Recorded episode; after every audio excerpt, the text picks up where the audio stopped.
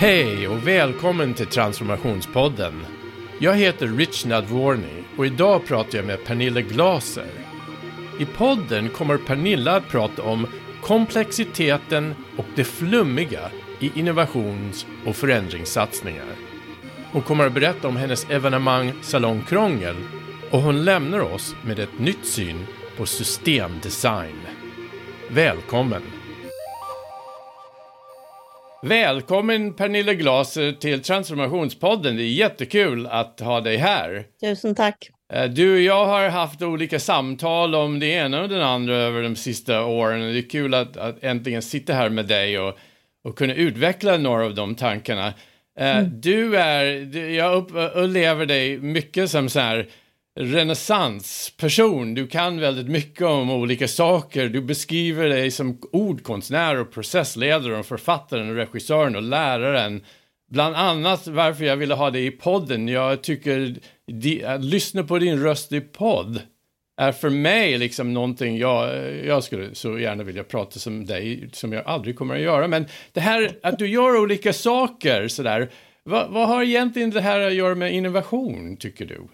Det intressanta här, om jag får ta en liten, en liten omväg in i svaret, så är det intressanta här med, eh, du, nu sa du, du sa det här med renässansmänniska och så sa du att, att jag gav du exempel på hur jag beskriver mig själv och det är alltid det är alltid en otrolig utmaning tycker jag att beskriva sig själv när man arbetar just med innovation och att försöka göra förflyttningar av tankar och handlingar därför att språket är otillräckligt. Eh, man rör sig liksom med ett språk som inte riktigt har vuxit i kapp eh, det som man försöker åstadkomma. Och jag har ju haft privilegiet och sökt mig väldigt mycket till eh, olika sammanhang där olika kompetenser och erfarenheter möts. Så det uppstår någon typ av krock eller skav och det är ju innovationsmiljöer. För innovationsmiljöer handlar ju aldrig om att alla gör på samma sätt, för då blir det inget nytänkande. Så en skola eller inom konsten eller när konsten möter forskning och civilsamhälle, då uppstår de här krockarna som får det att spraka lite och gnissla lite eh, och så kan vi plötsligt eh, föda fram någonting helt nytt tillsammans. Så det är ju vad allt det här har med innovation att göra. Och just lärare kan vi kanske återkomma till för att kunskap och hur vi ser på det är ju, tänker jag, helt centralt för hur vi ska åstadkomma innovation tillsammans. Det är jätteintressant. Just det där, dels det du nämner med språket som vi hade en liten möte i fredags. Vi har innovationsbanor och vi pratade om hur, hur folk har svårt att uppfattas Eh, i sin titel och roll, innovationsledare, innovationsstrateg och det är väldigt, vi hade lite kul liksom. Ingen på jobbet förstår det, mamma förstår inte det, dottern förstår inte det och ändå ska vi stå för det här nya och spännande och den här man försöker hela tiden göra den mer rumsren och standardiserad. Men du, det, det, du är inne på att den, den funkar inte riktigt. Nej, och jag tänker att jag tänker att det, det, det finns en dubbelhet i det där, för jag tänker att Alltså det är ju också, vi, vi, jag, jag tänker att vi överskattar lite vikten av att förstå saker. Eh, vi tänker liksom att när någon förstår någonting så har vi lyckats. Men väldigt mycket av vår förståelse baserar sig ju på gamla idéer och föreställningar. Så om man då till exempel är innovationskonsult så kanske man inte vill att folk ska förstå något som det var förr. För man vill att de ska få hjälp och tänka något som det blir sen. Och eh, jag själv har haft många påhittade titlar. När jag jobbade på RISE Interactive så hette jag Creative Force. Ingen förstod någonting. Alla undrade så här, var, var, var är ditt ljud, din, din ljussvärd liksom från, från Star Wars? Eh, och det var ju obegripligt, men det var ju tillräckligt obegripligt för att det skulle bli roligt att prata om. Eh, så att mitt råd till din kompis är, gör det ännu konstigare. ja, jag någonting ännu konstigare så blir det liksom en perfekt eh, samtalsgrej. Eh, jag jobbade precis med, med en man som hade titel kreativ jurist. Och jag sa, oj, antingen är den jättespännande eller representerar du liksom brottslingar för att få dem ur fängelse.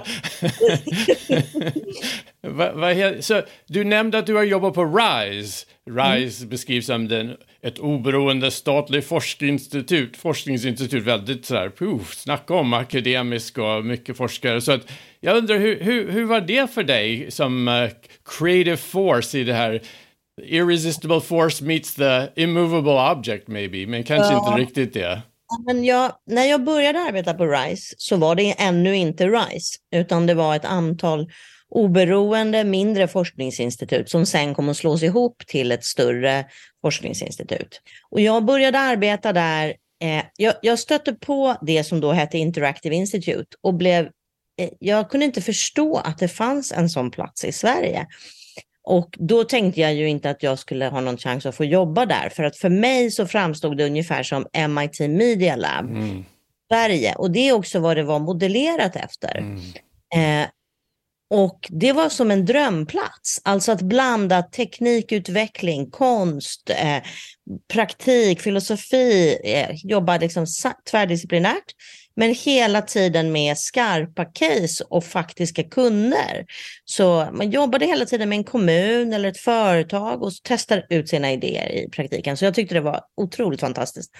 Så när jag började arbeta där så var det den miljön som jag ville vara i. Och jag ville arbeta tillsammans med Brandon Clark som var, jobbade med designantropologi, som nu är på Umeå Design School. Mm. Eh, jag, honom, jag ville ha honom som chef och det fick jag ju. Och det var ju, jag lärde mig kopiöst mycket av honom. Eh, och det, det, det, sättet att arbeta med design eh, var ganska nä, låg ganska nära min erfarenhet av att arbeta med teater och pedagogik och så. Eh, och organisationsutveckling. Så att ja, det var, det var inte ens... det är klart att man alltid det, orienterar sig i det nya, men det var, fanns en logik i min, min erfarenhet som processledare och den, den erfarenheten som pågick där av att arbeta med design som ett verktyg för att orientera sig och förstå verkligheten. Spännande, det har jag inte riktigt fattat alls att det var eh, modellerat efter MIT Media Lab. Där, där hade jag faktiskt tänkt att söka eh, mitten av 90-talet men jag blev avskrämd av alla så ingenjörsprov man skulle behöva göra för att komma in där och tänkte där sitter de och meckar med saker, men så var det inte alls. Det var, det var intressant. Jag, jag lärde känna dig via Salong Krångel. Ja. Som, var, som var, tyckte jag, en otroligt intressant konferens. Det, kände, det, var mest, det kändes mest som en happening av allting jag har varit i Sverige faktiskt. Um, och, och, jag undrar, um, Eh, Eh, hur du upplevde det där eh, salongkrångel, om den, vad det var, bemötte det vad du hade hoppats att det skulle göra. Jag gillar begreppet krångel, du är inne på det där, liksom. den är bra för innovation, den, i min erfarenhet, den är väldigt äh, verklighetsförankrad, för det krånglar till hela tiden i allt, att man låtsas att det aldrig ska hända utan att säga nej, nej, vi ska alltid göra det. En pre-mortem liksom i min älsklingsverktyg. Vad kommer att gå åt helvete i början? Så jag undrar om du skulle kunna berätta om Salongkrångel som har kanske, den är så rolig namn också. Ja, men jag, jag måste bara säga att jag är så otroligt enig med dig om det här. Att, att det är så konstigt det här att vår, vår livserfarenhet berättar för oss att, att det är rörigt och besvärligt och det är fullt med läckage och saker stannar inte på rätt plats och sådär. Men våra verktyg är liksom eh, Excel-ark och jätteprydliga stapeldiagram som liksom får oss, som speglar tillbaka verkligheten till oss som om, som om saker stannar i sina lådor. Så där finns det verkligen ett glapp man kan, man kan fundera över. Men Salongkrångel, för att ge en liten snabb bakgrund, den kom ju ur ett eh, forskningsprojekt som jag och Lisa Karlgren på RISE gjorde, som handlar om att förstå hur olika personer i organisationer upplever och hanterar komplexitet.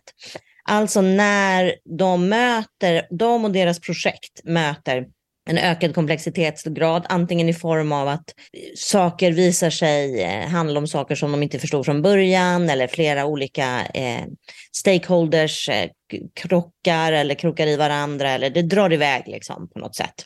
Det blir krångligt helt enkelt.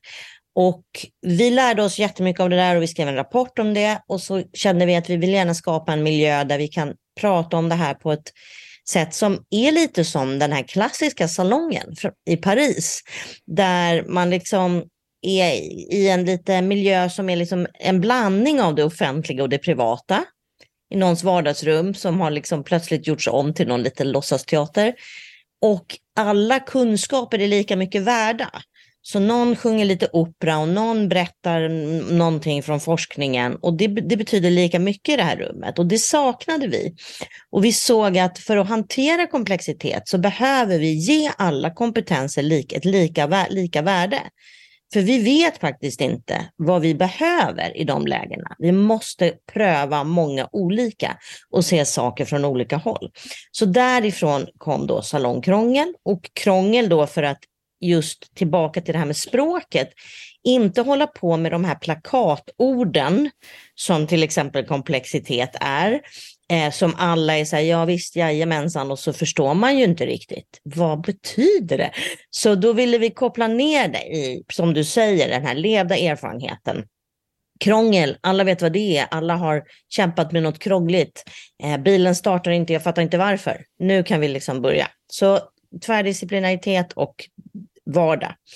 Och jag, vi har gjort flera krångel, vi har gjort både fysiska och digitala och det har ju varit fantastiskt för att människor har varit beredda att, så att säga, anlända med hela sina personer oavsett om de har varit eh, kommuntjänstemän eller egenföretagare eller mm, konstnärer eller aktivister. Då har de kommit och verkligen eh, bidragit och varit där, så närvarande. Samtidigt så tror jag att jag håller på att försöka själv göra fred med att ja, men det kommer alltid att vara några stycken som tycker att men det här är för jäkla flummigt.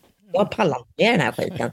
Eh, och det, jag har lite grann slutat försöka göra saker begripliga för precis varenda en. Nej. Som jag höll på med ett tag. Att man skulle liksom få med alla och få med precis den här. Och här. Utan lite mer så här, okej, okay, men de kommer när de är redo. Vi kör på. Liksom. Så att eh, absolut att det har gett, eh, och de många som har varit där har ju pratat väldigt mycket om det efteråt, kommit tillbaka till det, precis som du. Så här, wow, det här, man, hur, hur blev det att man kunde gå till Sweco och vara med om den här supergalna grejen? Eh, så vi gjorde ju något som liksom märktes och det har vi fortsatt med. Eh, men det är klart att det, som, att det finns några som också tycker att det där är, eh, ah, det sticks. Liksom. Det är intressant. Jag har precis pratat med Eric Wood av Explain, en av mina favoritföretag, designföretag. De gör mycket visuellt och så. Och de gör mycket med hur aktiverar man strategi. Och han berättar i, de jobbar med mycket stora bolag i, runt i världen. Och han berättar alltid, i, i ett företag, det är alltid 20% av människor, de kommer inte att röra sig tills de absolut måste. Det finns 20% av människor, de är redan på gång, så man behöver inte övertyga dem. Och av den där 60%, man egentligen behöver övertyga bara 7 eller 10 procent att röra och sen går hela gänget. Och när ja. han sa det så här, det är precis det du säger, man gör den här tanken eller strategin, alla måste vara med och alla är exakt lika, så vi är aldrig lika, så att det, bara den är lite feltänkt, så den, den tycker jag är bra. Um, du, du nämner också någonting som jag verkligen går igång på också, det här med vikten när man skapar något nytt. Vikten att ha den här diverse team med olika kompetenser som kan jobba över gränsen och där, man sätter dem ihop för att skapa något och där kommer upp de här krångel och skav som man ska lösa tillsammans där händer det magiska och liksom vår roll i den är att facilitera det här krångel så att ingen liksom känner sig hotad eller rädd. Jag tänker eh, tillbaka i min bortkastade ungdom på liksom de här filminspelningar jag jobbade på. Där vi var liksom 25 man på en långfilm och det var precis det där. Alla hade kompetens och ändå var man tvungen att hjälpa tre, fyra andra. Och just den typen av liksom, erfarenhet tror jag, den händer inte riktigt så mycket som vi skulle vilja när vi tittar på förändring och innovation. Och jag undrar liksom om det, och vad du har erfarenhet av det när du har hjälpt liksom andra företagen att, att hitta på nya och den här med sätta olika människor tillsammans, precis som du gjorde med salongkrångel. Ja, men nu, jag tänker, jag tänker flera saker när jag, när jag hör dig dels så, dels så tänker jag på det här som du citerade, att, som handlar om vilka vi ska ha med oss. Om jag får börja där. Mm. Eh, för att jag, jag, det, det, handlar också om dynamiken man vill skapa i pro processer och projekt. Och jag tror att om vi nu tillåter oss att fortsätta vara lite så generella, alla och alltid, eh, så tror jag att generellt att vi har en tendens både inom näringslivet och offentlig sektor, att just vara så upptagna av att saker ska vara begripliga och att alla ska vara med, att vi lägger den energin på sånt som då vi kallar för information, vilket oftast är det mest meningslösa man kan ägna sig åt i en organisation. Och det som folk efterfrågar när de egentligen vill känna sig delaktiga, men de kan inte uttrycka det. Så då skickar vi bara ut, håller vi bara på med ännu mer information och ännu fler sådana här staplar. Och den energin vi lägger på det skulle vi kunna lägga på den här tvärdisciplinära nyskapande gruppen och säga, okej, okay, men hur får vi en grupp där vi kan jobba kreativt på nya sätt, koppla ihop discipliner, hantera de här skaven med en psykologisk trygghet som det kallas för när vi kan vara säkra och samtidigt fria. Så vi kommer liksom inte fram till det, men det är egentligen det som vi borde mm. ägna 80 procent av vår tid åt. Sluta skicka de här mejlen som uppdaterar alla om vad som händer, för att ingen läser dem. Eh, och koncentrera på att skapa en kultur. Och det gör man ju genom att ta omsorg om de här grupperna som krockar, krockar med varandra. Och det skulle vi kunna prata om i flera timmar hur man gör det, men, men det är ju min favoritverksamhet som du vet. Och jag tänker att det, det är några saker, om jag bara lyfter några saker mm. som jag som centralt i det, så tänker jag att, att en sak som vi just nu behöver öva oss väldigt mycket på i vår tid, det är ju det som jag nämnde tidigare, som handlar om att förstå att erfarenhet också är en sorts kunskap. Och att vi behöver liksom, vi har gått liksom från specialister till generalister och nu, för att låna ett ord från min son, holister är liksom det vi behöver röra oss till nu. Att vi klarar av att förstå att ja, men jag har bott i ett annat land. Det är en erfarenhet som jag kan bidra med i den här gruppen. Utöver att jag också är en duktig programmerare. Eller vad det nu är. Alltså att tillvarata hela människans hela erfarenheter eftersom komplexiteten ökar och eftersom vi har så, så komplicerade problem att hantera. Och det är centralt för kreativiteten, att man alltid kan slänga fram någonting ur sin resväska som inte var det där självklara. Och då behöver man ju ha en miljö där alla lutar sig framåt intresserat och inte säger liksom, jaha, mm, eh, det där pratar vi om på torsdagar, sorry, liksom. Utan säger, ah, spännande, eh, mer, eh, berätta mer, eller till och med klarar av att säga, åh, det här verkar vara utmanande för dig, lite ömtåligt, spännande, vi är här, vi undersöker det tillsammans. Så eh, det, det, tror jag är, det tror jag är en nyckel. Ja, nu, nu är vi inne på jag eh, tror jag det som är eh, närmast och käraste för dig och mig faktiskt, just den här kulturella arbete.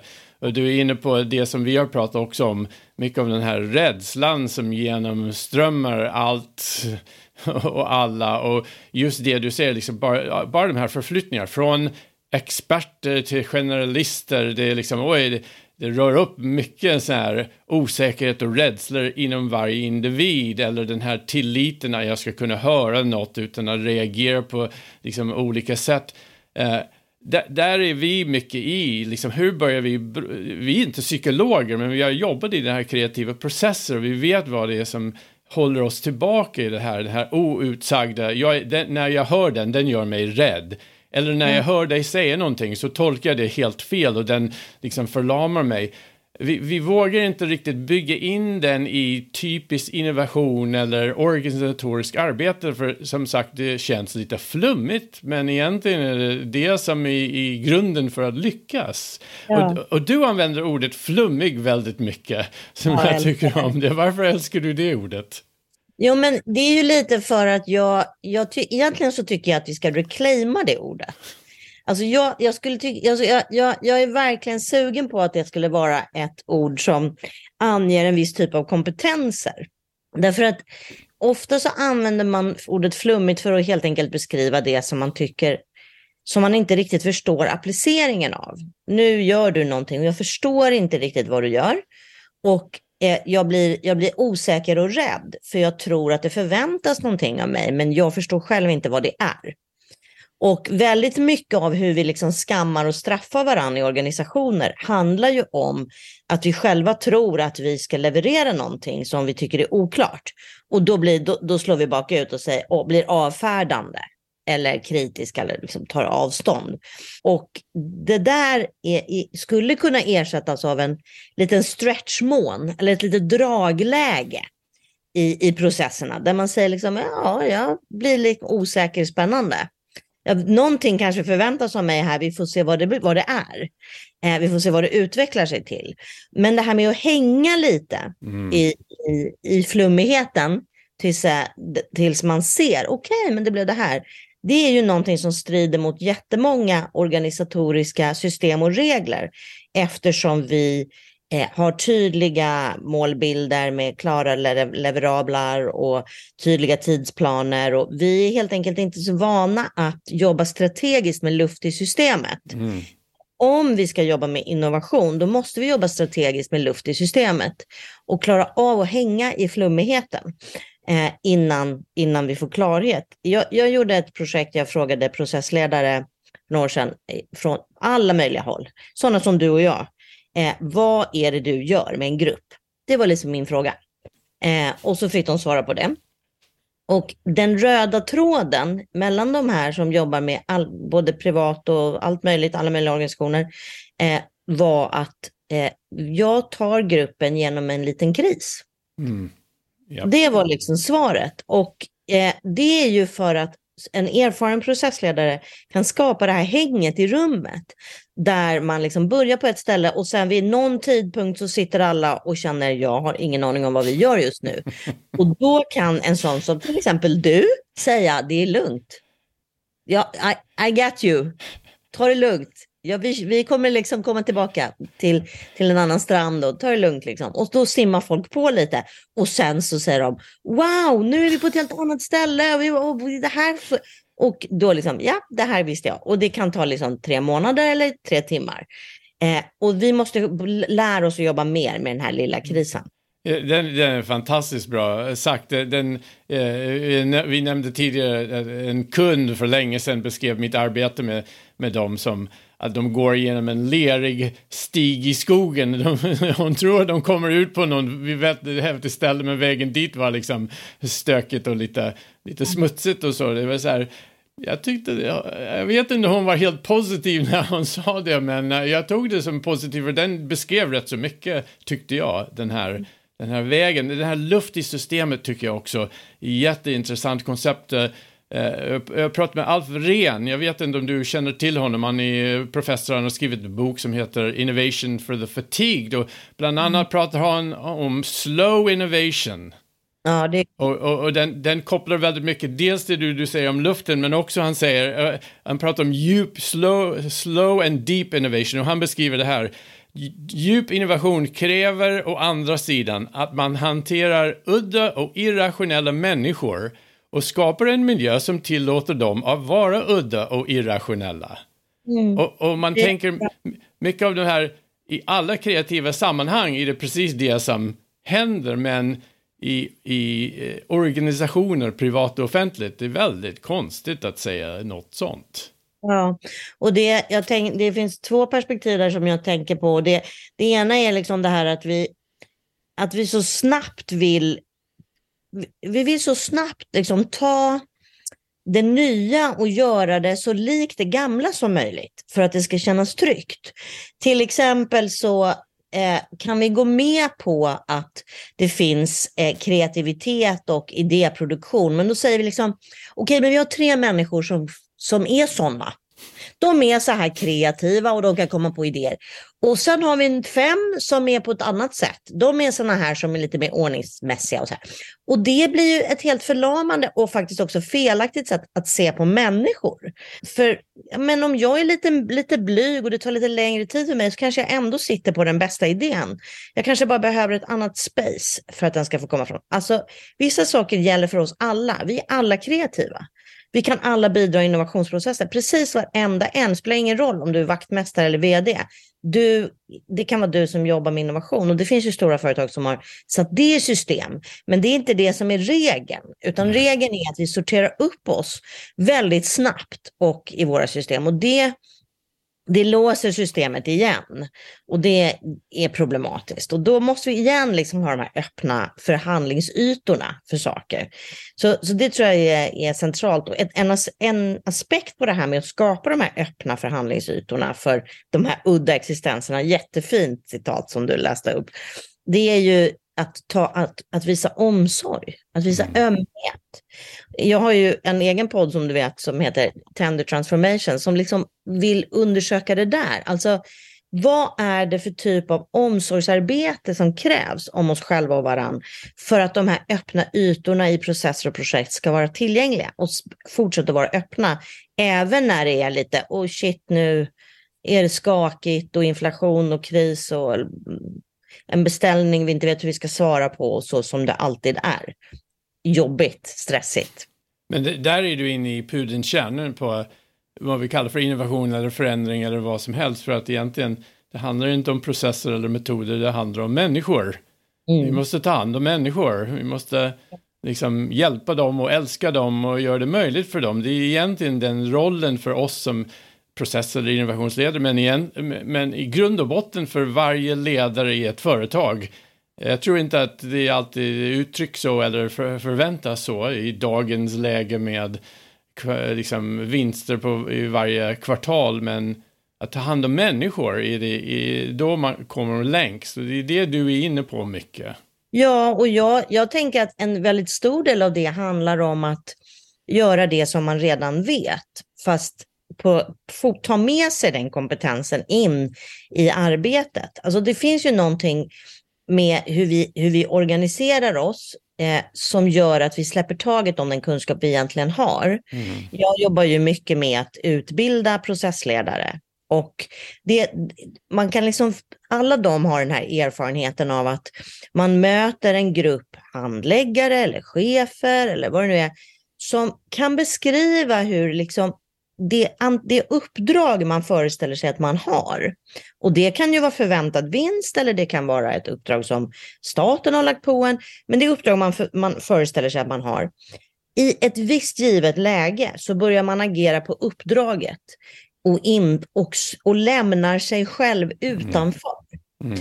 Eh, man liksom och vi, vi gjorde ett projekt, en, en workshop på förnyelselabbet på Svid, där vi frågade, Svid är ju Svensk Industridesigns stiftelse, vi frågade olika personer som jobbar i, i offentlig sektor, när har du stridit mot din egen övertygelse?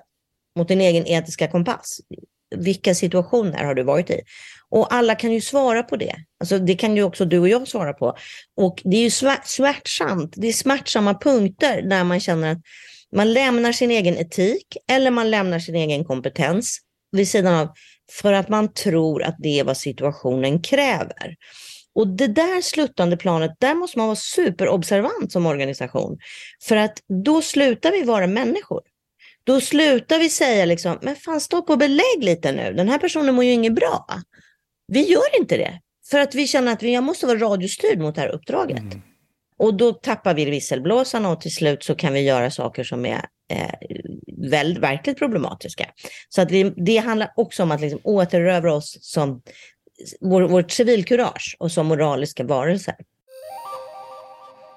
Samuel här som bryter in i podden med ett kort tips.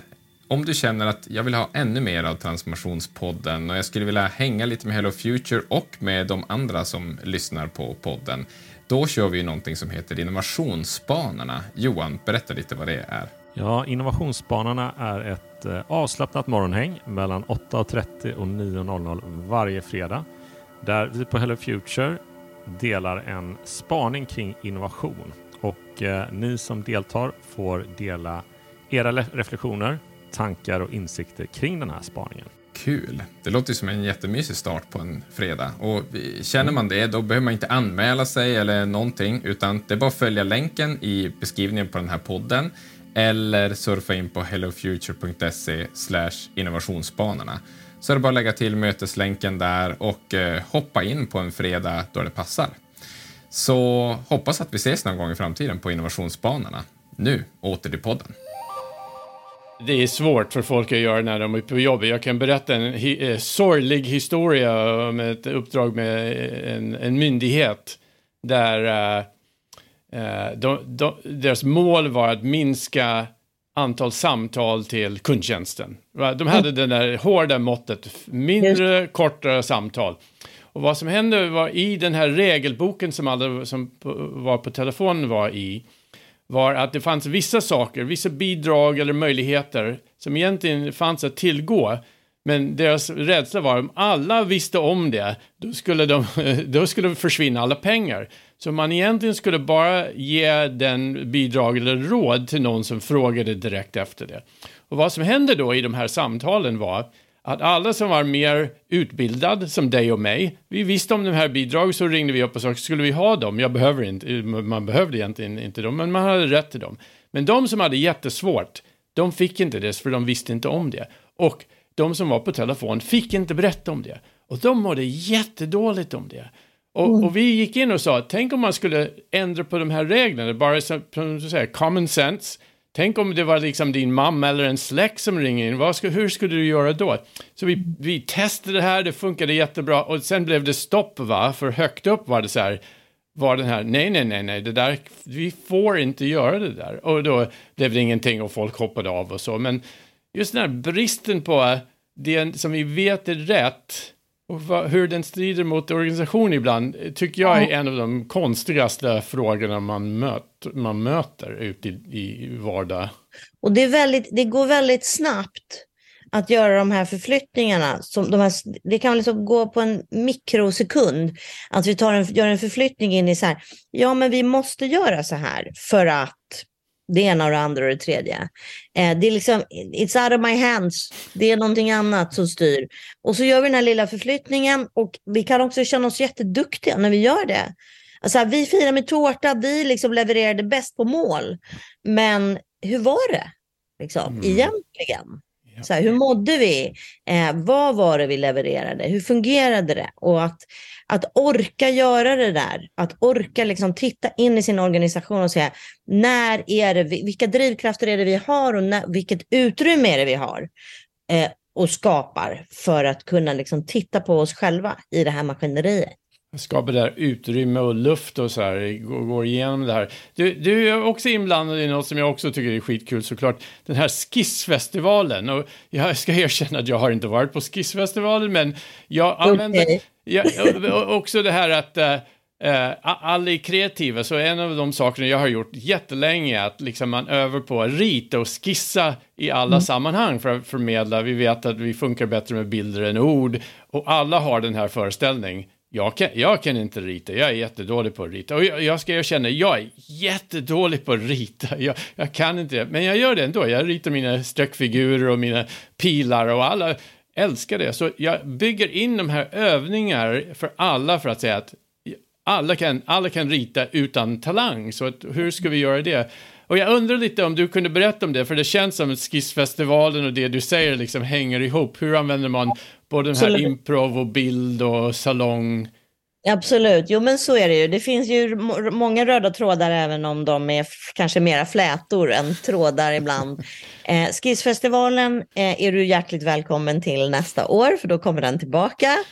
Och eh, jag initierade den eh, tillsammans med Skissernas museum i Lund och ett, ett antal andra aktörer, till exempel Malmö universitet K3 som är deras designinstitution där de jobbar både med samhällsfrågor och design eh, på massa intressanta sätt och eh, Konstfack och Designform Syd och eh, Skånes dansteater. Och min, det, som jag, det som jag ville undersöka och jag var väldigt inspirerad av skisserna på Skissernas museum, för där kan man ju följa konstnärer bakom kulisserna man får se deras olika versioner av saker eh, och hur de har valt att undersöka någonting.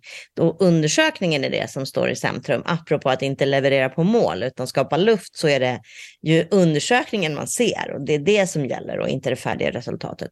Och jag var nyfiken på värdet av skissen, värdet av att det är just sådär ofärdigt som du beskriver med dina pilar. Att det inte är snyggt och prydligt och klart, utan att det är någonting som man visualiserar i process. Eh, hur viktigt det är. Och min erfarenhet som lärare är att alla jag känner som arbetar med pedagogik jobbar med det här på olika sätt med sina studenter.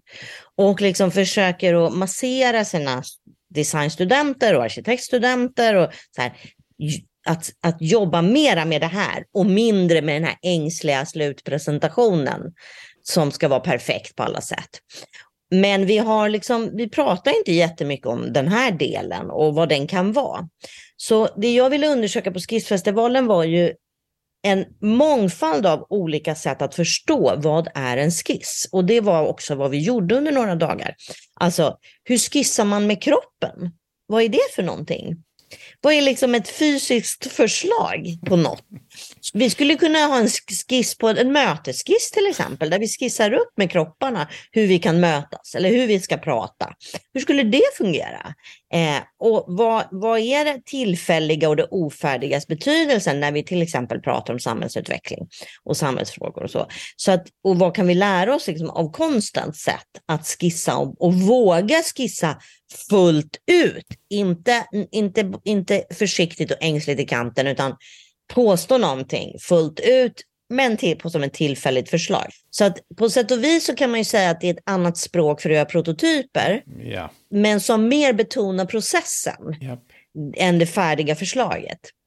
Jätte, som sagt, jag älskar processer, jag älskar improv och förflyttningar och den, den är också intressant just att man kan prototypa processer och system, inte bara så, eh, produkter och tjänster som också vi, vi är lite outvecklade på. Så den tycker jag är jättekul. Jag kommer gärna in i den. Ja, underbart. Och det är, också, det är också för att öva oss på att ställa fler frågor. Därför prototypen som modell, den vill ju att vi ska ställa frågor om funktionalitet. Alltså kan vi dricka ur den här koppen, är det en bra prototyp? Men vi måste kunna göra processförslag och då behöver vi ställa andra frågor Ja. som kanske inte bara handlar om funktionalitet utan som handlar om eh, vilka nya tankar väcker det här? Eh, hur skulle det här låta i ett annat forum? Eh, vad, vad pekar det här på i vår organisation? Eh, vilka eh, smärtpunkter visar det? Alltså helt andra frågor som leder oss vidare i, i process styrkan med det ofärdiga prototyper som jag stressar alltid till mina elever. Att liksom låt den vara lite ofärdig för att man kan fylla i med nya tankar och frågor. Och där får man mycket energi. Jag tänkte, Pernilla, som, som avslut på det här, för du, du har vävt in en hel del grejer också där du börjar med, med salongkrångel som jag vill komma tillbaka till och det är det här, att det är väldigt mycket prat om systemdesign nu. Och alla använder det här ordet, ingen riktigt förstår vad det är, det pågår massa projekt med olika medel om system hit och dit. Man har ändå den här grejen långt tillbaka från Donella Meadows, från min gamla Dartmouth, som, men ändå så står vi här och säger systemdesign. Och du är inne på den känns det som i det du pratar om, men på ett helt annan, liksom, den är inte bara en kart, systemkarta du pratar om precis. Och jag tänkte du skulle avsluta här, berätta för oss vad dina tankar för den här systemdesign som vi behöver, när, särskilt när saker och ting blir mer och mer komplex. Oj, oj, oj, hur lång tid har vi? Så mycket du vill. Ja, härligt. Eh, tiden är ju bara en illusion ändå, så vi kan ju chilla. Eh, jag sitter faktiskt själv med ett uppdrag att eh, göra en eh, verktygslåda i systeminnovation eh, tillsammans med en grupp processledare från Svid. Och det är ju precis som du säger, att det, det är lite nu som modeord. Eh, och eh, jag tänker att min, min upplevelse är så här, att det, det, det representerar en insikt som är viktig och på riktigt. Eh, och det är insikten om att vi behöver just tänka holistiskt och vi behöver tänka relationellt. Vi, kan, vi måste liksom sluta göra enskilda lösningar för enskilda problem, därför det kommer aldrig leda oss till en hållbar värld och en hållbar samexistens.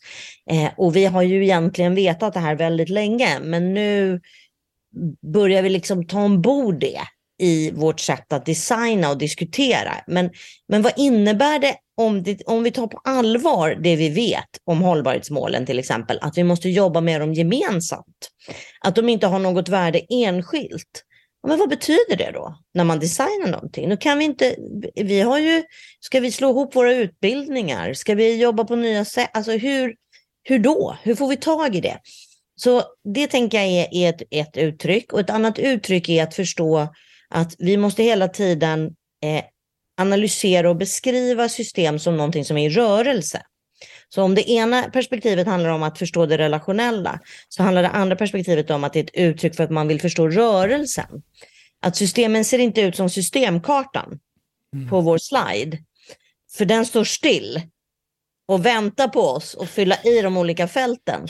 Men de faktiska systemen, ekosystem och alla andra system, de är rörelse hela tiden, de är förändring hela tiden. Det ställer helt andra krav på oss om vi vill leva i fredlig och meningsfull och utvecklande samexistens med dem och inte i strid med dem.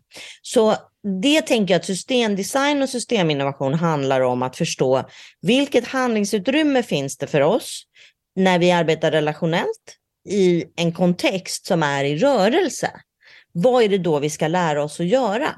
Och då tänker jag att vi behöver träna oss på och beskriva och sätta språk på hur vi tar då stora kliv på små ytor. Mm. Och det kan vi som människor, för vi har innovationskapacitet. Vi kan tänka stora tankar, vi kan pröva radikala förändringar på väldigt liten yta. Men vi måste vara närvarande och observanta och med i matchen.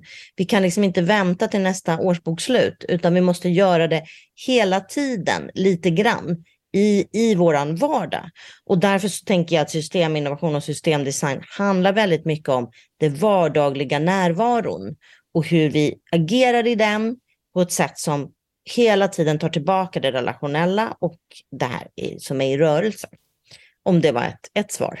Det var ett bra svar, tack. Det, det, jag förstår att du kan prata länge om det här. Just system i rörelse istället för beskriva statiska system och, och den här att vara in i liksom, nuet tycker jag är otroligt intressant. Ser fram emot den här verktygslådan då från Svid. Du får säga till när den är klar. Och jag tänkte två, bara två saker att avsluta det här, för det här var ett otroligt kul samtal, som det alltid är när jag träffar dig.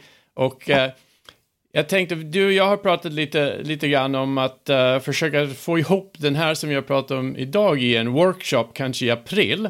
Ja, låt så, oss. Så den, den, har vi, ni som lyssnar, det ska vi försöka uh, jobba lite med och sen kanske vi kommer ut med någonting i mars och så. Och jag lovar, eh, om ni har inte varit på en workshop med Pernilla, då har ni missat något. Så att den, den, det ser jag verkligen fram emot. Eh, jag tänkte också Pernilla, säg din, eh, din blogg, eh, din podd, namn och uh, URL. Vi lägger den på, på vår webbsida igen. Den heter helt enkelt tendertransformation.com. Så söker man på det så hamnar man på Tender Transformation hemsidan och där hittar man podden också. Eh, och då får man möta en massa olika människor som pratar om vad de tycker att tenderness har med transformationsprocesser att göra. Har du några sista tankar? Nej, men jag ser väldigt mycket fram emot vår workshop som du nämnde och jag, jag är väldigt sugen på det här med att fortsätta att undersöka, som jag föreställer mig att vi ska göra tillsammans då, det här med liksom, eh, hur, vi kan, hur, vi kan, hur vi kan visa entusiasm inför våra egna motstånd. För det är inte så himla konstigt. Alltså, om man känner nu så här, men herregud, jag orkar inte vara så här kreativ och härlig. Jag har faktiskt ett jobb att sköta och det är redan för mycket. Eh, så, så tycker jag liksom man kan andas lugnt så här, det, det, är krångligt för, också på insidan för oss allihopa att hantera det här. Det är svettigt och man blir förvirrad och man orkar inte och man vill bara gå en promenad. Och det är fine. Man får verkligen känna så. Vad är det? Och det är också en resurs att liksom ta med sig sin egen osäkerhet och sitt eget krångel. Man behöver verkligen inte vara så här eh, härlig på låtsas för att hantera det här. Man kan vara ärlig på riktigt istället. Den här entusiasmen till motståndet, den är fantastiskt bra råd. Mina coacher har alltid tryckt på mig att liksom man har den här motståndet, då drar man tillbaka. Mm. Och de sa innan hon, eh, Cheryl Wood, eh, eller vad hon heter från Facebook, uh, Sandberg sa, liksom, de sa att när du, när du känner den, luta dig in i den, eller i alla fall stå still. Mm. För att du måste, du måste vara med där, annars tar den över. Så den, Ja. Den tycker jag var jätte, jätteintressant att undersöka. Vi, låt oss uh, spinna vidare på det. Det gör vi. Pernilla Glaser, hemskt mycket tack att du tog tid att prata med mig och eh, jag ser fram emot fortsättningen. Jag också. Tack snälla. Tack att du lyssnade! Vi kommer att posta länken till Pernillas podd på vår Hello Future-sajt. Om du har idéer om vad du skulle vilja höra mer om i Transformationspodden, mejla oss på podcast at hellofuture.se. Hej då!